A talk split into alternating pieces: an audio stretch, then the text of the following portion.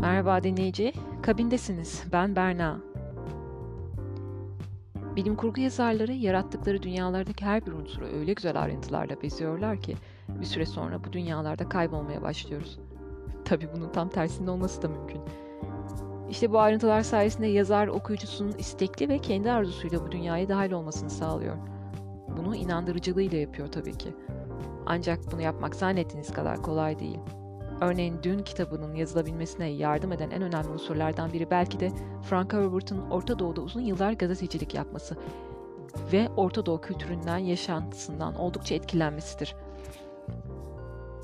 Birinci bölümde tanımlarda bahsettiğim ikinci nokta ise bilim kurgu ve fantezi arasındaki ilişki. Bilim kurgu fantezinin bir alt dalı olarak kabul ediliyor.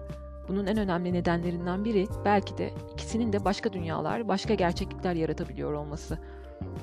Ama bilim kurgu ve özellikle yine fantezinin bir alt dalı olan saf fantezi arasındaki farklar bize bilim kurgunun sınırlarının olup olmadığını söyleyebilir.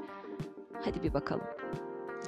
Saf fantezinin kendi dünyalarını oluştururken kullandığı malzeme saf sihirdir. Evet bildiğiniz sihir. Tolkien'in orta dünyası buna çok güzel bir örnek. Elfler, sihir, boynuzlu atlar, periler. Bunları oluştururken günümüz dünyasından etkilenme olabilir ama eserin içinde gerçek dünya ile fantezi dünyası arasındaki öğeler arasında kesin bir bağlantı kuramazsınız. Bülent Ay Yıldız, Post Övgü adlı köşesinde bunu çok güzel belirtmiş. Aynen alıntı yapıyorum. Savaşın yıkıcılığını görmüş, annesini erken yaşta kaybetmiş, İngiltere'nin yeşil kırsalında çocukluğunu geçirmiş olan Tolkien, 20. yüzyılın en önemli fantezi eserlerine imza atmıştır çoğu çağdaşının yaptığı gibi moda olan ateizmi tercih etmek yerine Katolik inancıyla olan bağını koparmamış, dinin etik, geleneksel ve ahlaki boyutlarını eserlerine taşımıştır. Bunu ikonik olarak yaptığını iddia etmiyorum. Tolkien'in eserlerinde elbette Hac, İsa, Meryem Ana tarzı figürler ve Hristiyan mitlerine gönderme yapan alegoriler göremeyiz. Daha çok iyinin ve kötünün çatışması gibi dualist temalar mevcuttur.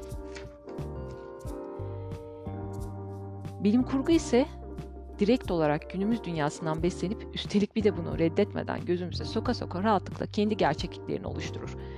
Bununla demek istediğim bizim yani insanoğlunun oluşturduğu ya da adını koyduğu diyelim yasalar, kuralları, sosyal yapıyı kullanır. Fiziği, kimyayı, matematiği kullanır ki birçok bilim kurgu yazarı aslında matematikçi ve fizikçidir. Eric Bell çok ünlü bir matematikçidir ve kendi icatlarını anlattığı ve açıkladığı bilim kurgu romanları yazmıştır. Christoph Goldfarb, Stephen Hawking'in öğrencisi olan ünlü bir fizikçi ve yine bilim kurgu yazarıdır. Mesaj kitabının yazarı yine ünlü bir bilim insanı olan Carl Sagan'dır.